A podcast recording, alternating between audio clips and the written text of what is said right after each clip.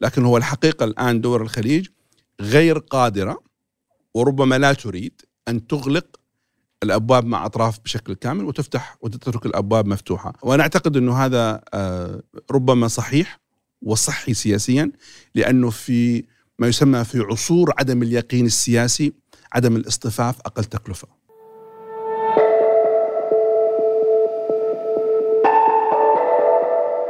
على الرغم من أن منطقة الخليج العربي بعيدة عن دائرة الصراع الروسي الأوكراني إلا أنها وجدت نفسها في قلب الأزمة. ومع دخول الحرب الروسية الأوكرانية شهرها الثامن تراوحت مواقف دول الخليج بين الوضوح تارة وبين الغموض تارة أخرى. فكيف تطورت مواقف دول الخليج بعد أن طال أمد الحرب الروسية الأوكرانية؟ وما انعكاسات هذه المواقف على العلاقات الدولية والإقليمية لدول الخليج؟ مرحبا بكم متابعينا في هذه الحلقة الجديدة من برنامج بعد أمس من الجزيرة بودكاست. وأرحب في هذه الحلقة بالدكتور محجوب الزويري المختص في الشأن الخليجي ومدير مركز دراسة الخليج. أهلا وسهلا أهلا بك دكتور زويري. شكرا.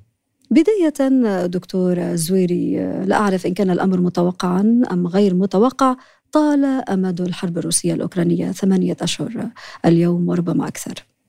فكيف تبدو مواقف دول الخليج من هذه الحرب؟ وهل دول الخليج في موقف صعب اليوم؟ لا شك بأنه هذه الحرب جاءت على حين غرة بعبارة أخرى ليس فقط دول الخليج حتى الدول الغربية. رغم حديثها لبضع شهور من نوفمبر عام 21 عن أنه بوتين يتحضر إلى شن حرب على أوكرانيا لكنها كانت ليست متيقنة 100% لكن حصلت الحرب في 24 فبراير ويبدو أنها كان الرهان على فكرة أساسية وهي قضية أنه الضغوط الدولية قد تدفع بوتين إلى الخلف ويتوقف عن الحرب. ما حصل أن هذه التوقعات أيضا لم تنجح وبالتالي بما في ذلك دول الخليج البعيدة جغرافيا عن المنطقة منطقة الصراع أيضا اصبح أصبحت بشكل أو بآخر في أتون هذه الأزمة ولعل يعني مسألة دخول دول الخليج عائد إلى ثلاث قضايا أساسية. القضية الأولى هي طبيعة التحالفات العالمية، دول الخليج هي جزء من تحالفات عالمية مع الولايات المتحدة، مع روسيا، مع أوروبا، وهذه الاطراف كلها مشتركة في الحرب. الأمر الثاني يتعلق بأن هذه الدول دول الخليج الست هي منتجة مهمة للطاقة والتي آه، حيث ظهرت الطاقة في اليوم الأول كأحد منتجات هذه الأزمة وبدأ هنالك حالة من آه، عدم اليقين والقلق الأوروبي بسبب موضوع الطاقة وبالتالي دول الخليج أصبحت لاعبا مهما في هذه الحرب. ثم الأمر الثالث والمهم وهو انعكاسات هذه الأزمة على دول الخليج نفسها، دول الخليج بعبارة أخرى، دول الخليج لديها احتياجاتها، لديها رغبتها في الأمن والاستقرار، هذه الدول ترغب في التنمية، ترغب م. في الاستقرار، ترغب في أن يكون هنالك حالة من الاستقرار العالمي. الحروب لا تخدم دول الخليج، وبالتالي حصول هذه الحرب و حضور الأطراف التي هي متحالفة معها في هذه الحرب بالتأكيد يضر دول الخليج ويزعج دول الخليج ويدفعها إلى مرحلة من القلق السياسي الكبير. قلق سياسي وربما وضع صعب كما قلنا في البداية. فكيف يمكن أن نفصل هذه المواقف آه، في دول الخليج؟ في الحقيقة أمل آه، نحن لدينا آه، مواقف يعني متدرجة من من من الصراع. اولا واضح تماما إنه الموقف العام لدول الخليج أن هذه الحرب غير مرغوب فيها. آه، وهذا الأمر كما آه، أسلفت له علاقة بالرغبة في الأمن والاستقرار. أما وأن الكارثة قد حصلت أنا أعتقد أن انتقلت الدول إلى مستوى آخر وهو محاولة الدفع باتجاه التهدئة وإيقاف الحرب.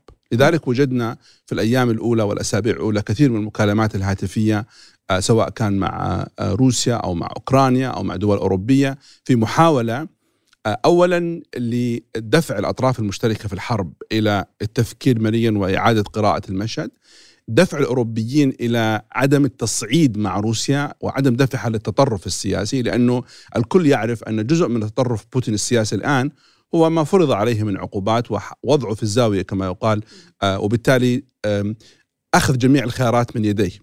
آه، ثم الأمر الثالث هو الأساسي وهو أن هذه الدول أصبحت الدول الأخرى تطرق بابها للمساهمة في الحل وبالتالي أصبحت دول الخليج تقول إذا أردتم حلا يجب أن تسمعوا لنا، يجب أن تنصتوا لنا، يجب أن تسمعوا ما لدينا من قراءة حول وبالتالي هذا التصاعد في المواقف جعلها حقيقة مهمة جدا بحضورها. إذا مواقف متدرجة آه، تصاعد المواقف بين مختلف الأطراف المعنية بالصراع الروسي الأوكراني دفعت دول الخليج إلى أن تكون في قلب هذه الأزمة وبالتالي أنت أكيد تشير دكتور زويري إلى الوساطة التي لعبتها السعودية في ملف الإفراج عن الأسرى. نحن لدينا ثلاث دول حضرت في أزمة الحرب الروسية على أوكرانيا بشكل واضح ولنكن واضحين. المملكة العربية السعودية الإمارات العربية المتحدة وقطر. هذه الدول الثلاثة التي حضرت في آه، آه، بشكل أو بآخر في هذا في هذه الحرب الدائرة. وكل دولة بالتأكيد لديها قراءة مختلفة عن عما يحدث. المملكة العربية السعودية منتج كبير للنفط والولايات المتحدة والغرب يريد منها أن تنتج كميات كبيرة حتى تعوض الإنتاج الروسي. أيضا قطر الغرب يريد منها إنتاج أكبر من الغاز حتى يعوض الإنتاج الروسي الذي يقدر ب 17% وقطر لو وضعت كل إنتاج النفط العالمي ان تفعل ذلك. ثم الإمارات العربية المتحدة المنتج المهم أيضا للنفط المراد لها أن تكون أيضا منتج مهم. اذا هذه الدول الثلاث الحقيقة أدخلت في هذه في هذه الحرب آه، بسبب عامل الطاقة بشكل أساسي والطلب الغربي على الطاقة وبسبب أيضا علاقتها المتنامية مع روسيا. هذه الدول الثلاث كان لديها علاقة متنامية مع روسيا. هذه العلاقة المتنامية بين دول الخليج التي ذكرتها وكذلك آه، روسيا آه، لا يمكن أن تخفي أن دول الخليج أساسا كانت لها علاقات عريقة وضاربة في الزمن مع آه، الغرب وخاصة الولايات المتحدة الأمريكية. ولا شك أن ردود الفعل الأخيرة من قرار أوبك بلاس خلقت نوعا من التوتر في هذه العلاقة. أولا هنالك ما حصل في أوبك بلاس أعتقد له علاقة بتطور العلاقة السعودية الأمريكية بشكل أساسي. والولايات المتحدة بسبب ثقلها السياسي والإعلامي أعطت هذا تصويرا بأن يؤثر على كل العالم، في الحقيقة أن ما حصل أن الولايات المتحدة لم تنجح في إقناع السعودية في زيادة كميات الإنتاج وربما كان للسعودية حسابات ليست فقط سياسية، حسابات اقتصادية، خاصة إذا ما عرفنا بأنه هنالك تكهنات تكاد تكون شبه حقيقية إنه سعر النفط سينزل. إذا هذه الأزمة مهما حصل هناك نحن أمام كساد اقتصادي متوقع عام 23 24 السعودية التي لديها كثير من المشاريع التي تفكر فيها فيما يتعلق بالانفتاح الاجتماعي والاقتصادي ربما قلقت من موضوع تخفيض آه، آه، زيادة الإنتاج وبالتالي تخشى من, من أن ينخفض سعر البترول. على أي الأحوال سواء كانت دوافع سياسية سعودية أو دوافع اقتصادية. ما حصل من قرار أوبك بلس كان تحدي كبير للإرادة الغربية. لأن الإرادة الغربية كانت قلقة من أوبك بلس منذ أن أنشئت لأنها كانت تحاول أن تخرج من مظلة أوبك التي يعتقد الغرب أنه يسيطر عليها بشكل أو بآخر. أوبك بلس التي هي 22 دولة تكاد تكون خرجت من عباءة السيطرة الغربية وهذا ما جعل الولايات المتحدة منزعجة جدا. الحقيقة ليس فقط على السعودية إنما فقط على بقية الدول إنما على بقية الدول الأخرى وفسرتها بأنها اصطفاف إلى جانب آه، روسيا. وهذا تفسير الأمريكي والاتهامات الأمريكية للسعودية بأنها أصبحت حليفا مكشوفا لروسيا خاصة في ظل الحرب المستمرة حاليا في أوكرانيا يدفعنا للتساؤل عن مواطن التقاطع والاختلاف بين المصالح الخليجية. كما تعرفين أمل يعني فكرة آه، مجلس التعاون الخليجي لما تأسس أسس في سياق أساسي وهو دفع الخطر الإيراني. وبالتالي ليس مبنيا بشكل أساسي على فكرة التقاطعات الداخلية. رغم إنه الحديث كان يتم خليجنا واحد وإنه هناك مشتركات ثقافية وهي معروفة اللغة والثقافة، لكن ما من مشتركات سياسية على المستوى السياسي والدول، بمعنى آخر لدينا ست دول خليجية لديها تعريفات مختلفة لأمنها الوطني وأمنها القومي. وهذا الأمر يعني ربما كان موجودا لكنه ظهر بشكل كبير بعد الأزمات الأخيرة سواء كان أزمة عام 2014 أو عام 2017 وبالتالي بات واضحا أن هناك حالة من الانقسام في تعريف الاستقرار والأمن بالنسبة لهذه الدول الأمن الداخلي أتحدث هنا ومن هذا الأمر الحقيقة ومن هنا يجب أن نشير إلى انه هذا هذا الانقسام في تحديد المصالح ينعكس على العلاقه مع الخارج وتطورات الخارج. بالضبط أردت أن أسألك عن تداعيات هذا الانقسام في البيت الخليجي رغم أننا تحدثنا آه، عن مصالحة خليجية عن أن هناك وحدة للمواقف ازاء القضايا الخارجية التي ربما قد تهدد امن هذه المنطقة. أنا باعتقادي إذا أردت أن أن أن أشرح المشهد أستطيع القول ما يلي لكل دولة خليجية من الدول الثلاثة التي ذكرت مصلحة خاصة في آه، التدخل السياسي والدبلوماسي. إذا أخذنا المملكة العربية السعودية، اولا المملكة العربية السعودية معنية في إبقاء العلاقة مع الولايات المتحدة في مستوى آمن ولكنها في نفس الوقت لا تريد أن تغلق الأبواب مع روسيا. وبالتالي تدخل على مجال إنه يمكن أن تساعد ولو تدريجيا إذا ما ساعد الآخرون اللاعبون الآخرون، وبالتالي هي تحاول أن تأتي بملف الوساطة الإفراج عن آه، سبع من سبع من المعتقلين الذين كانوا في روسيا ومحاولة لعب أدوار لها لتقول بأنه هنالك قيمة للتواصل مع روسيا لتبرير إبقاء القنوات مفتوحة من, من مع روسيا. وهذا الأمر نفسه ينطبق على الإمارات العربية المتحدة، لاحظنا زيارة محمد بن زايد إلى روسيا ثم تواصل مع الرئيس الأوكراني والحديث، هذا أيضا يعود إلى هذه الفكرة. وربما أيضا الإمارات آه، الامارات أيضا لها علاقة بموضوع علاقتها مع إسرائيل. آه، هنالك أيضا الإمارات تحاول أن تلعب دورا في تخفيف التوتر بين روسيا وبين إسرائيل. إسرائيل. وربما هذا المخفي عنه والذي لم يتم الحديث عنه كثيرا فيما يتعلق بهذه الزيارة. إذا جئنا على قطر قطر اولا منتج مهم للغاز والغرب طرق بابها منذ الأسبوع الأول.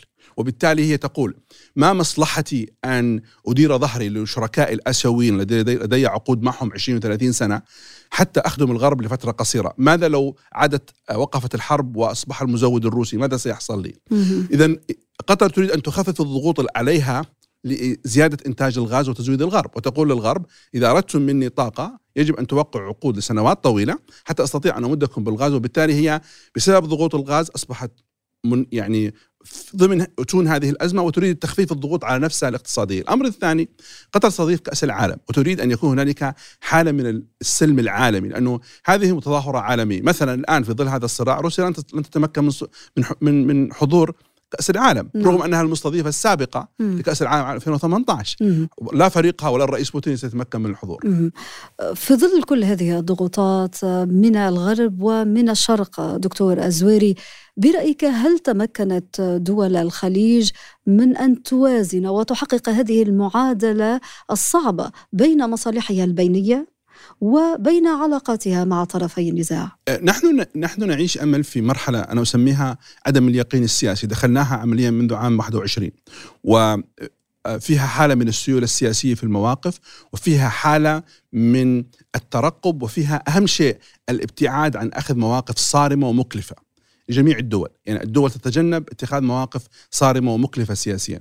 وأنا أعتقد أن المواقف الخليجيه هذه ليست مكلفة كثيرا على المدى البعيد، يعني الآن صحيح إنه في نوع من الانتقادات لكن ليست مكلفة على المدى البعيد لأنه الأبواب مفتوحة مع كل الأطراف. وبالتالي من الطرف الذي سيغضب يمكن أنك تراضيه في مرحلة معينة والمشاكل تنحل، لكن المشكلة الأكبر إنه آه إذا ما استمر هذا الصراع، إذا ما استمر هذا الصراع بالتأكيد سيشكل استنزاف سياسي واقتصادي كبير، وبالتالي دول الخليج لا تريد ذلك. لا تريد هذا الاستنزاف الاقتصادي لأنه بقاء أزمة الطاقة تتمدد سيجعل دول الخليج أكثر في مركز الصراع مم. وسيجعل الضغوط عليها أكثر لتزويد العالم بالطاقة مم. وهذا الأمر ربما يدفع إلى نوع من المواجهات بين دول الخليج إما أحادية الجانب مم. أو حتى مع بعضها مع كثير من المجتمع الدولي مم. أه، وبرأيك دكتور نحن الآن نتحدث عن ضغوط ولكن هذه الحرب خلقت فرصا لدول الخليج تحدثنا عن المستوى السياسي انخراط بعض الدول في الخليج في مجال الوساطة في محاولة للتهدئة ولكن هناك فرص حقيقية لا يمكن أن نغفل عنها تحت مجلس الشورى ذكر ذكر آه، أمير قطر الشيخ تميم إنه هنالك عوائد كثيرة اقتصادية بسبب ارتفاع أسعار الطاقة وأن قطر ستقوم بوضعها في صناديق خاصة لاستثمارات وقضايا اقتصادية. هنالك عوائد اقتصادية كبيرة تحصل عليها دول الخليج الآن المنتجة للغاز والنفط. لا شك على المدى القصير.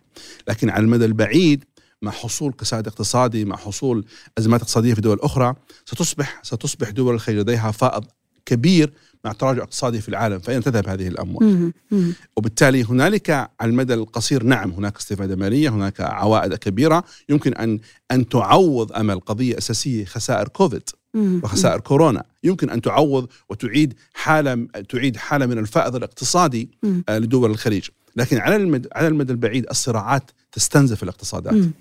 ولا أعتقد أن دول الخليج ترحب بذلك. يعني هناك الكثير من الحسابات في هذه اللعبة لعبة المصالح بين دول الخليج فيما بينها وكذلك مع الولايات المتحدة الأمريكية. أن تحدثنا عن القطب الذي يدير هذه المعركة اليوم. المعركة الدبلوماسية المعركة السياسية وكذلك الاقتصادية. هناك نوع من حدة التنافس في مجال الأمن الطاقي بالخصوص. هنا نتساءل دكتور زويري عن أنه هل دول الخليج الآن ستشهد تطورا في مواقفها بما أن الحرب الآن طالت يعني ولا أحد يتوقع متى ستنتهي؟ واضح تماما أن دول الخليج تحاول أن تتعامل مع هذه التطورات بقدر كبير من المرونة في مسارين. المسار الأول تخفيف آثارها الاقتصادية عليها داخليا ثم الأمر الثاني عدم الانكفاء على الداخل بل التفاعل مع المشهد الدولي. من خلال المنظمات الدولية سواء كان أوبك سواء كان أوبك بلس سواء كانت الأمم المتحدة في الدفع نحو أي جهود لتخفيف التوتر. وبالتالي هذين هذان المساران تعمل عليهما دول الخليج. المسألة المهمة أنه إلى أي مدى الأطراف الأخرى تلتقي مع دول الخليج في هذه المسارات؟ هنا تشير إلى اللاعبين الإقليميين. تماما تماما. وهل هنالك قدرة على أن الدفع باتجاهات التهدئة وتخفيف الصراع؟ ما هو واضح حتى الآن حسب تصريحات وزير الدفاع الأوكراني أن الحرب الآن هي في المرحلة الثالثة. وهي مرحلة إخراج القوات الروسية من كل المدن الأوكرانية. السؤال الذي يطرح سياسيا أمنيا عسكريا هل ستسكت روسيا على ذلك؟ هل وبأي ثمن؟ أم أن أم أن هذا ربما يقود إلى موجة أخرى من الحملة العسكرية ربما تكون أكثر دموية ربما باستخدام أسلحة غير تقليدية.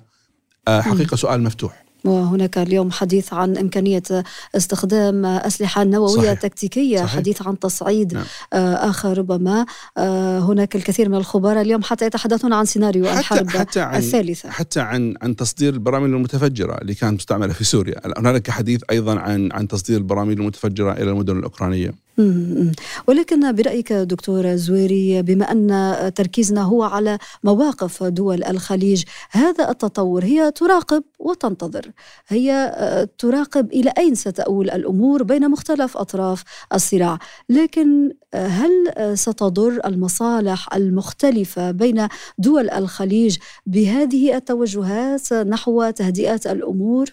أنا أعتقد بأن دول الخليج آه، بالمحصلة آه، التهدئة تخدم مصالحها على المدى القصير والمدى البعيد وما يحصل الجهود التي تبذل الآن في التواصل بين كثير من الدول خاصة مع الولايات المتحدة آه، ودول غربية مثل ألمانيا وفرنسا وبريطانيا تسير في هذا الاتجاه. المشكلة الكبرى الحقيقة هي أن الدول الغربية لديها أزمات كبيرة داخلية. انظري انظري ماذا يحصل في بريطانيا، بريطانيا ثلاث وزراء رؤساء وزراء في ثلاث في سبع أسابيع. آه فرنسا لديها أزمة اقتصادية، ألمانيا لديها أزمة اقتصادية، وبالتالي يعني أهم حقيقة ملاحظة هو أن دول الخليج الآن تجد نفسها الحقيقة لوحدها. وهذا ربما ما يجب أن تبقى العين عليه كملاحظة. إنه الآن الدول الأوروبية تسعى إلى تفكيك مشكلتها في الطاقة لكن لا ت... ليست معنية بما بعد هذه المشكلة. هي دول الخليج لوحدها لأنها منقسمة في مواقفها؟ ليس فقط بسبب الانقسام الداخلي بسبب انقسام الآخر اللي هو الدول الغربية. هنالك آه، حالة من الصراع بين فرنسا وبين ألمانيا حول ما يجري، انتقاد إيطالي مستمر إلى إلى عدم مساعدة آه، الدول الأوروبية لها، يعني الآخر منقسم كما هو الخليج أيضا منقسم. وبرأيك كيف سيؤثر هذا على العلاقات الدولية مستقبل لدول الخليج؟ خاصة وأننا نتحدث عن سيناريو آه، نظام دولي جديد قد يكون ثنائي القطبية متعدد الأقطاب.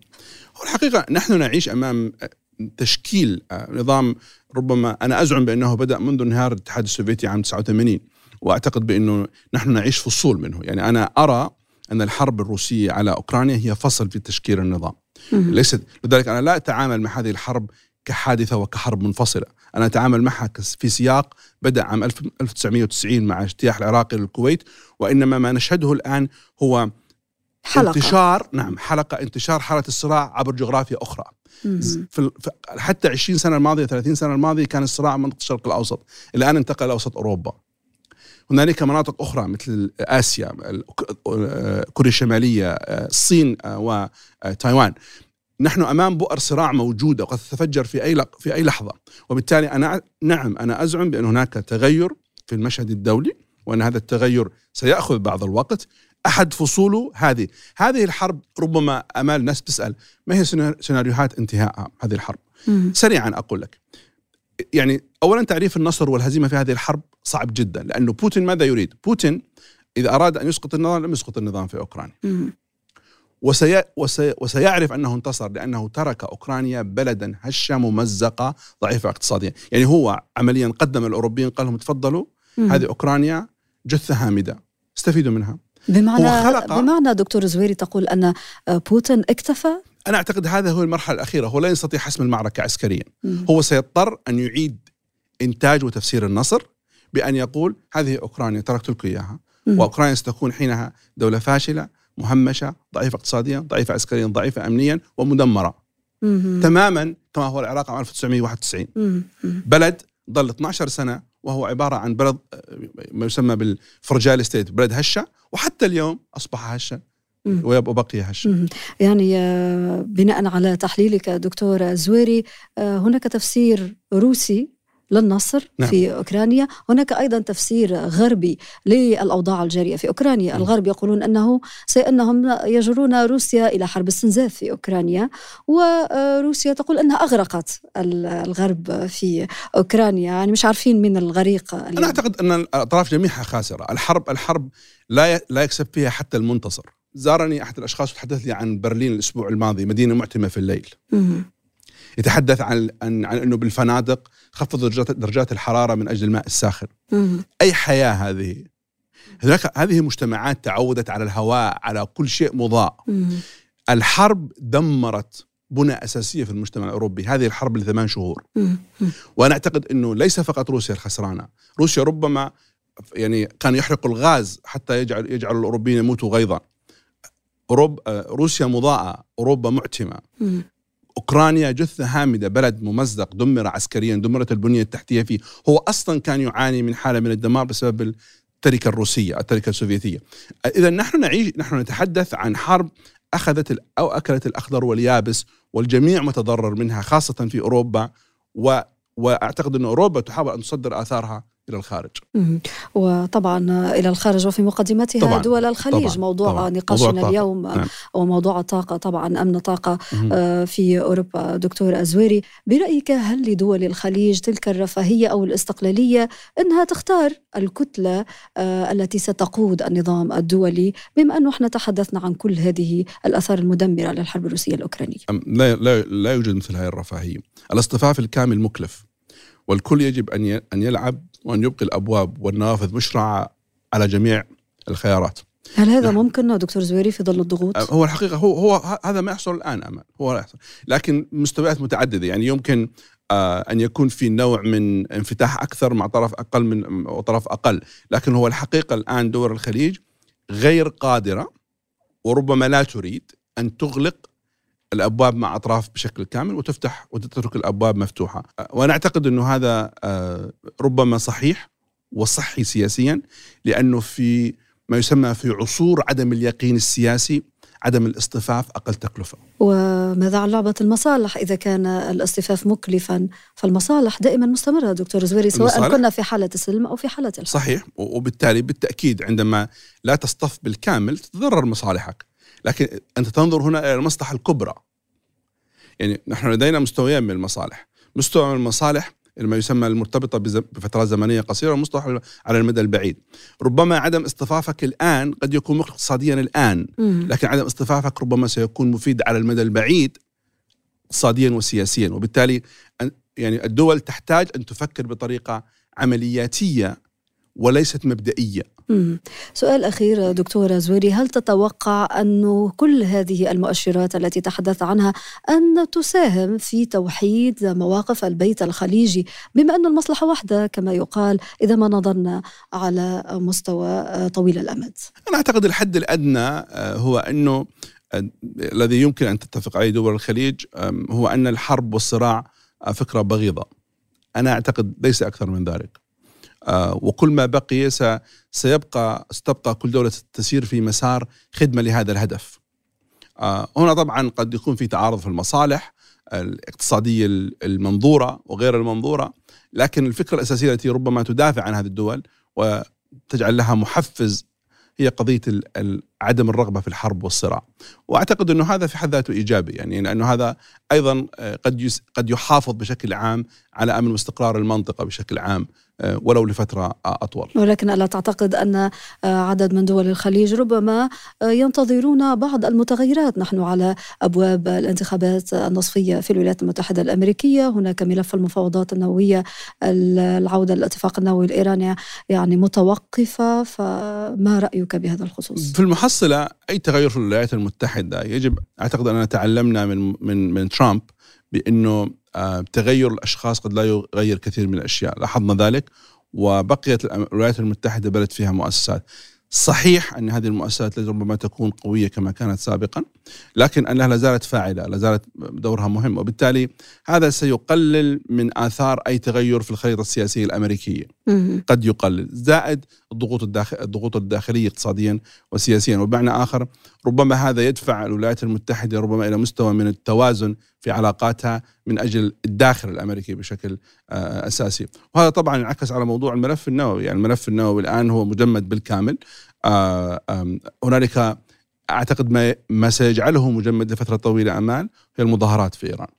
الدول الغربية بما فيها الولايات المتحدة لا تريد أن تعطي النظام الإيراني أي نقطة امتياز وتحاول الآن البناء على هذه المظاهرات للضغط على النظام أكثر وباعتقادي لن يكون هناك عودة للملف النووي قبل صيف 23 وهذا أيضا سيؤثر على المحادثات السعودية الإيرانية التي مجمدة. كانت بدأت بوساطة نعم. عراقيه يعني في في الخلاصة دكتور زويري ليس هناك رفاهية في الخيارات المتعلقة بالمواقف الخليجية من الحرب الأوكرانية ولكن في ظل الضغوط وربما متغيرات قد تشهدها ساحة الحرب أمور كثيرة قد تتغير.